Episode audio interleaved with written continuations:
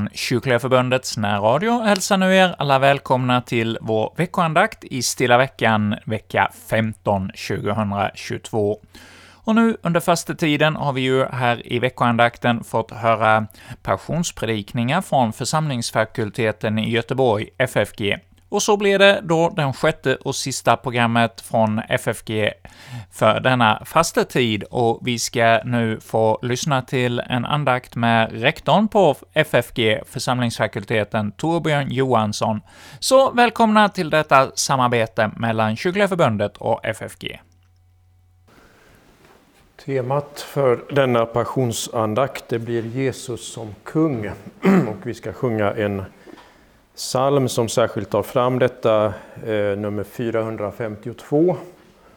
Och det kommer särskilt fram i den andra halvan, men vi ska dela upp den så att vi sjunger nu inledningsvis 1 till 4 och sedan avslutar vi med de resterande verserna. Så 452, vers 1 till och med 4.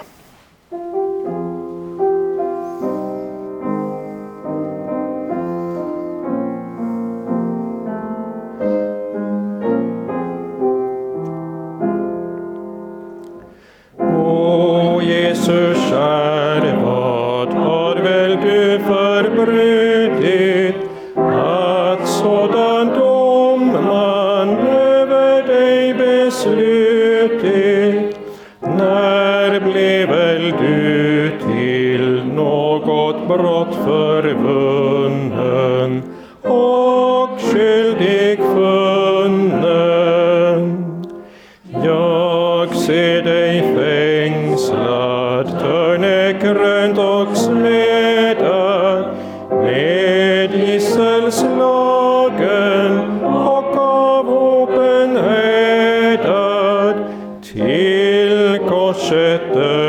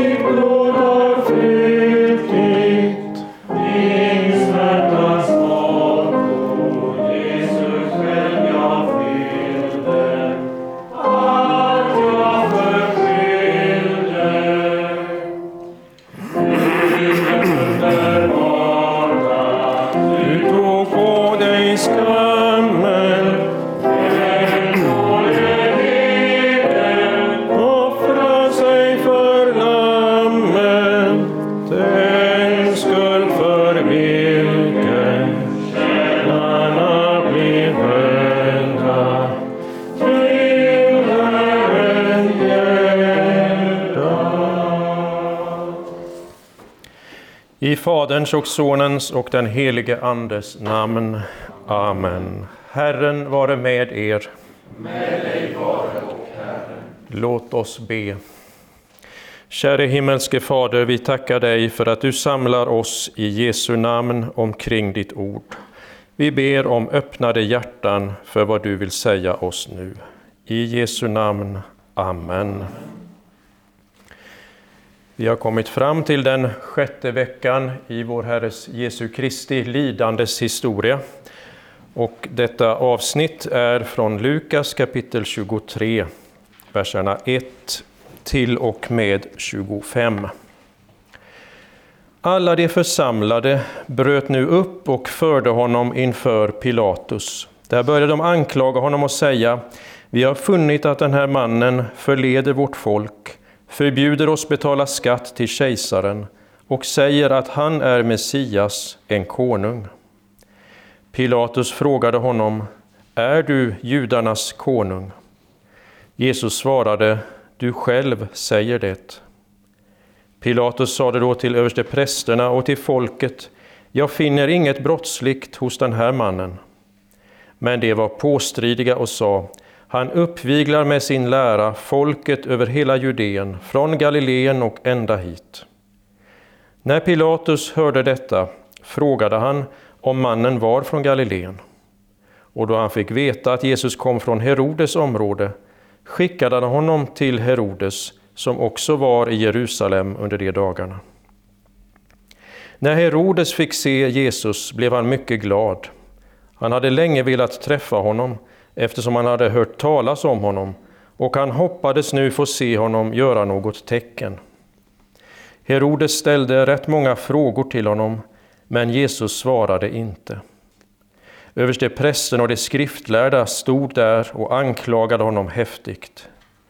Herodes och hans soldater bemötte honom med förakt och gjorde narr av honom.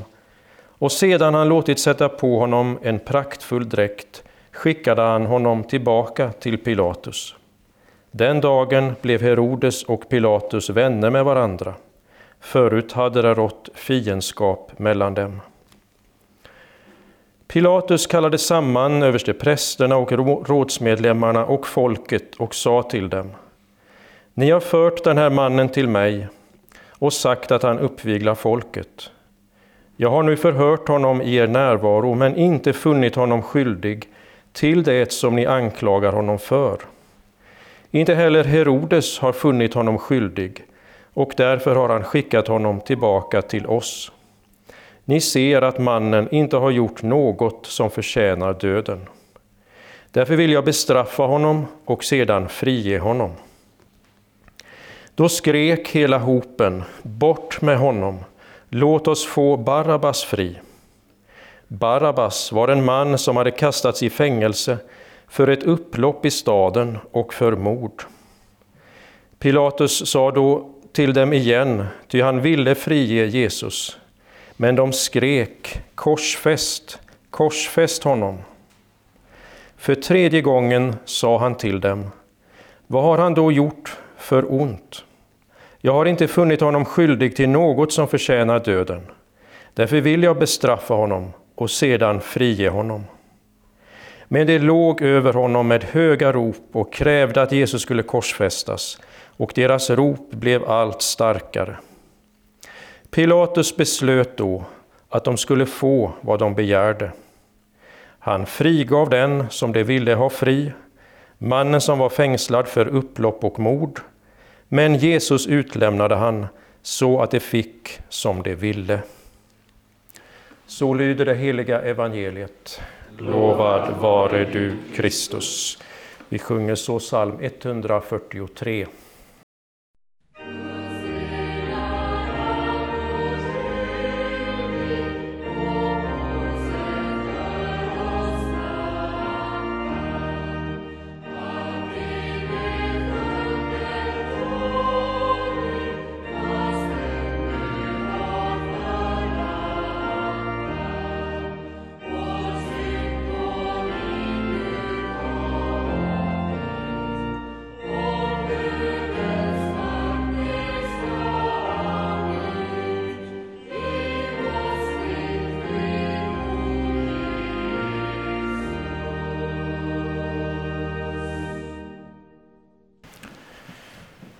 Israel skall glädja sig över sin skapare.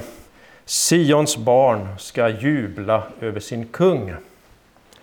Dessa ord läser vi i Psaltarpsalm 149, vers 2. Det sägs här inte bara att Israel har en skapare och en kung, utan också att de ska glädja sig över detta. Ja, att de ska jubla över sin kung. Vi ställs här i den sjätte veckans läsning av vår Herres Jesu Kristi lidandes historia inför Jesus som kung. Ja, han är en kung som inte bara imponerar genom stor glans, makt och härlighet, utan han är en kung som kommer i det lilla och ringa. Han avstår sin härlighet och står anklagad. Vi ska se hur det mitt i denna lidandes historia nu finns anledning för hans folk idag att glädja sig över sin kung, ja, att jubla över honom. Och vi ska ta fram två saker i vårt avsnitt som skulle fylla oss med jubel över Jesus som kung. För det första, Jesus är sann. Vi kommer här in i historien när Jesus har flyttats över från den ena domstolen till den andra. Från den religiösa domstolen till den världsliga. Han ställs inför Pontius Pilatus. Hur olika framstår inte dessa två gestalter för vår blick?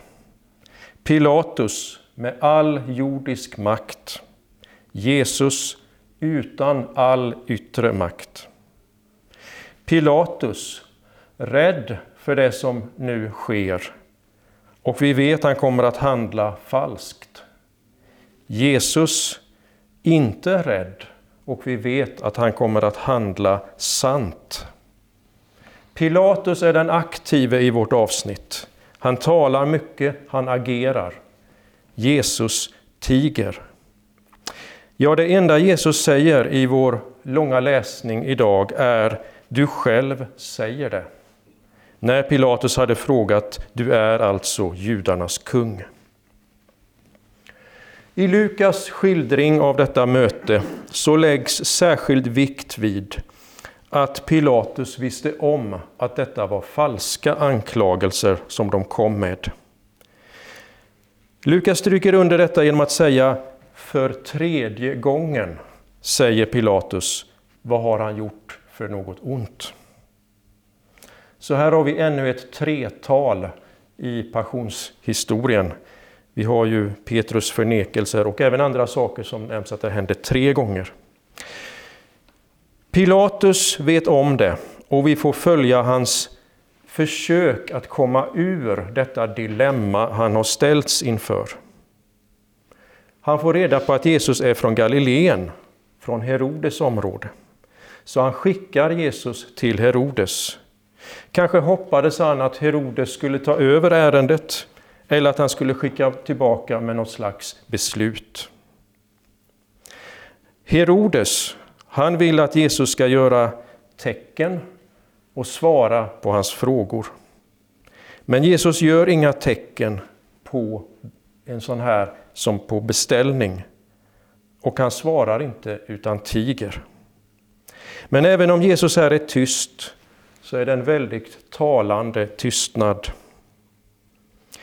Vi vet inte exakt varför, det anges inte, men vi kan tänka några möjliga alternativ varför Jesus inte svarar.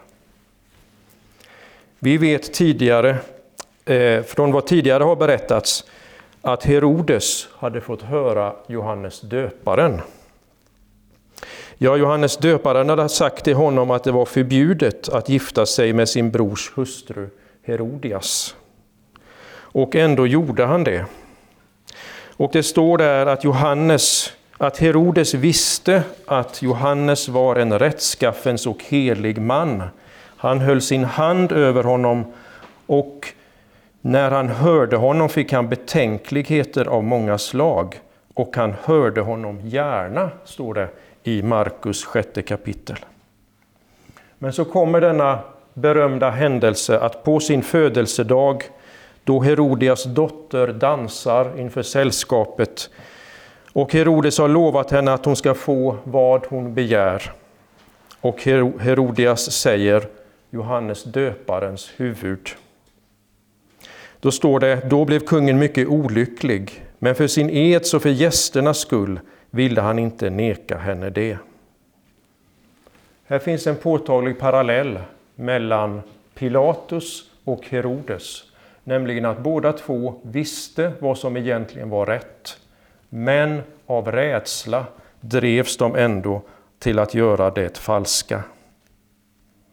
Det kan alltså ha varit så att Herodes inte hade tagit emot det Guds ord han hade fått höra, utan han hade förhärdat sig. Och så möts han sedan av tystnad. Oavsett om detta är anledningen så påminner Jesu tystnad inför Herodes hur viktigt det är att ge Gud rätt när han talar i sitt ord. Att ta vara på det Guds ord man har fått och att följa det. Att Jesus är tyst, det visar för, andra, för det andra hans majestät. Vilken annorlunda bild hade inte vi fått av Jesus om han hade börjat försöka svara på alla Herodes frågor och bevisa sin oskuld. Han står som den rättfärdige, som den sanne. Men tystnaden får oss också att tänka på den verkligt djupa anledningen till att Jesus står där anklagad. Han hade ju i ett semane kämpat för att bli fri. Där hade han kämpat inte med människor utan med Fadern. Han sökte bli fri från vägen till korset. Men där hade han också vunnit den klarhet som, och den eh, visshet om att detta är hans väg och han tog emot bägaren. Han skulle ta all synd och bära den upp på korset. Herodes sänder alltså tillbaka Jesus till Pontius Pilatus. Och så får Pilatus tillbaka problemet. Vad ska han göra? Han provar en annan väg. Det nämns här i Lukas framställning väldigt kort, för plötsligt sägs det att hopen säger döda honom och låt oss få Barabbas fri. I, hos Matteus får vi reda på bakgrunden, där det sägs att vid högtiden kunde landshövdingen ge en fånge fri, den som folket önskade. Så han tar nu detta som en anledning att kanske kunna få Jesus fri. Med detta gör Pilatus ett mycket ödesdigert val. Han försöker lösa sin situation, inte med rätt och sanning, utan med barmhärtighet och nåd. Som landshövding försökte han lösa svårigheten, inte med rättfärdighet och rätt, utan med barmhärtighet och nåd. Därför det är ju bara den som är skyldig som kan bli benådad. Och när han väl har valt detta spår, att istället för att säga att Jesus är oskyldig, att han kan bli benådad, då drivs han sedan obevekligt vidare av logiken i denna process. Därför hopen väljer inte Jesus utan Barabbas och Pilatus drivs fram av ropen till att korsfästa Jesus. Han handlar mot sitt samvete, han grips av rädsla, han blir trängd. Och så handlar han mot bättre vetande. Och när vi hör detta, då är det lätt för oss att vi sätter oss på vårt domarsäte över Pilatus och dömer honom. Men sanningen är att Pilatus tillkortakommande delas av alla människor i vår passionsberättelse. Petrus, som ju aldrig skulle svika Jesus, kommer att förneka honom tre gånger. Pilatus konstaterar tre gånger att han är oskyldig och likväl klarar han inte av att fatta det rätta och sanna beslutet att frige honom. Och vi är inte satta till att döma vare sig Pilatus eller Petrus, utan vi ska istället ställa oss själva i den själens spegel som Jesu lidandes historia är. Pilatus handlar alltså inte sant utan falskt. Men här står en annan som handlar sant, ja, som är sanningen. Jesus säger, jag är vägen, sanningen och livet. Och just inför Pilatus säger han detta att han har kommit för att vittna om sanningen. Han är sanningen, han talar sant, han vittnar sant. Han är sann i den meningen vi kan säga om andra att de är just det de är. De är som idealtypen. Vi kan säga att det är en sann musiker eller en sann journalist. Det är någon som är trogen ett ideal, sådan som han borde vara. Vi är inte sanna i denna mening. Inte sådana som Gud hade tänkt oss, utan det är något förvrängt, krokigt och skevt inom oss. Något som gör att vi viker av och missar målet. Vi skulle älska Gud över allting, vår nästa som oss själva. Sviker vi det så sviker vi en sanning. Vi står där tillsammans med Pontius Pilatus i ljuset av honom som är sanningen och vi står som dömda. Likväl kan vi nu jubla över att Jesus är sann. Och orsaken till detta är den andra delen i predikan, att Jesus går i Barabbas ställe. Och det är en orsak för Guds barn att jubla över sin kung. Jesus är oskyldig, men han vet att detta måste ske för han ska bära hela världens synd. Ställföreträdande går han in i under domen. Samtidigt ligger i den här händelsen med Barabbas, inte bara nu detta glädjefyllda att Jesus går i hans ställe, Barabbas går fri. Det ligger också i det en djup dom över folket. De väljer alltså en upprorsmakare, ja en mördare, betonar Lukas.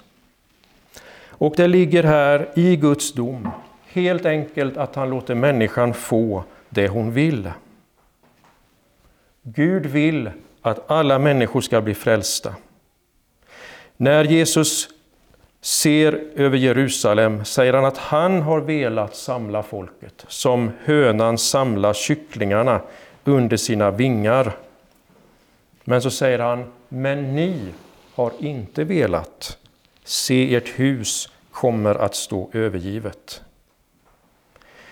Det är som att människan från syndafallets dag drar ner förbannelse över sig. Väljer här istället för Jesus en upprorsmakare och en mördare. Men Gud har inte gett upp. Han sänder sin son. Han kommer som kung i ringhetens gestalt som frälsare. Barabbas vet vi inte mycket om vad som hände med honom, där han då fick gå ut som en fri man. Men han står för oss som ett exempel på hur en skyldig kan bli frikänd för Jesus skull. Hur den oskyldige går in och tar straffet. Barabbas står därför i denna underliga händelse för det som är själva centrum i evangelium, att Gud lägger straffet på den oskyldige så att syndaren kan gå fri. Jesus teg inför sina domare, inför Herodes, inför Pilatus. Här går ordet från Jesaja 53 i fullbordan. Han blev plågad fastän han ödmjukade sig och inte öppnade sin mun. Lik ett lamm som förs bort att slaktas och lik ett får som är tyst inför den som klipper det. Ja, han öppnade inte sin mun. Han skulle bära straffet för den synd han inte själv begått. Men därför finns det nu också förlåtelse för alla våra synder, för Barabbas synder, för dina synder och för mina synder. Därför har vi anledning att idag och alla dagar Gud ger oss tacka och prisa Jesus som kung. För att han är sann och för att han har gått i vårt ställe. Israel ska glädja sig över sin skapare. Sions barn ska jubla över sin kung. Amen. Lovad vare Gud och välsignad i evighet som med sitt ord tröstar, lär, förmanar och varnar oss. Hans helige Ande fäste ordet i våra hjärtan så att vi inte glömmer det vi hört utan dagligen växer till i tro, hopp, kärlek och tålamod in till änden och så blir saliga genom Jesus Kristus, vår Herre. Amen. Låt oss be vår passionsbön. Outsägligen stor, Herre Jesus, var din kärlek till oss fallna människor att du för vår skull blev människa och led smälek, ångest, pina och död för oss syndare, som annars hade måst evigt dö. Ge oss nåd att alltid föra oss till sinnes och i tro motta denna din välgärning, så att vi därför lovar dig, tillika med Fadern och den helige Ande. Hjälp oss att alltid föra ett kristet liv och i all nöd och motgång trösta oss därmed att du är vår frälsare, som har förlossat oss från dödens och djävulens våld och som slutligen skall ta oss från denna mödosamma värld till dig i himmelen, där vi i evighet ska fullkomna ditt lov. Amen. Fader vår som är i himmelen. Helgat varde ditt namn. Tillkomme ditt rike. Ske din vilja så som i himmelen så och på jorden. Vårt dagliga bröd giv oss idag och förlåt oss våra skulder så som och vi förlåta dem oss skyldiga äro. Och inled oss inte i frestelse utan fräls oss ifrån ondo. Ty riket är ditt och makten och härligheten i evighet. Amen. Herren välsigne oss och bevara oss för allt ont och föra oss till det eviga livet. Amen. Då sjunger vi de resterande fyra verserna på psalm 452.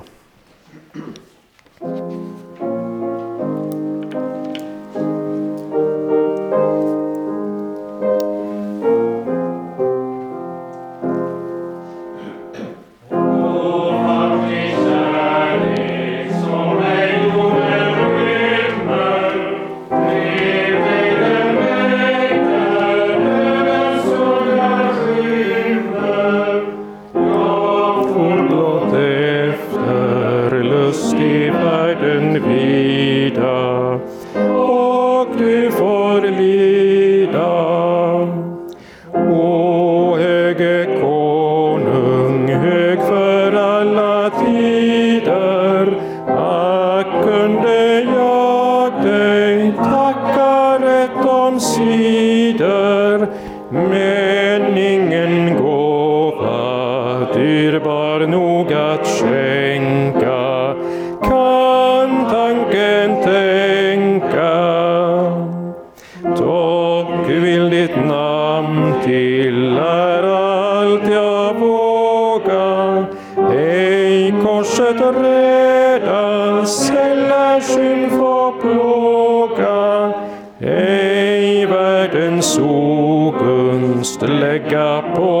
mitt hjärta.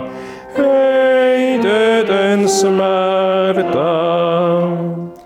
O konung i det rike som förbliver, en gång du segerns krona mig och giver, den lovet så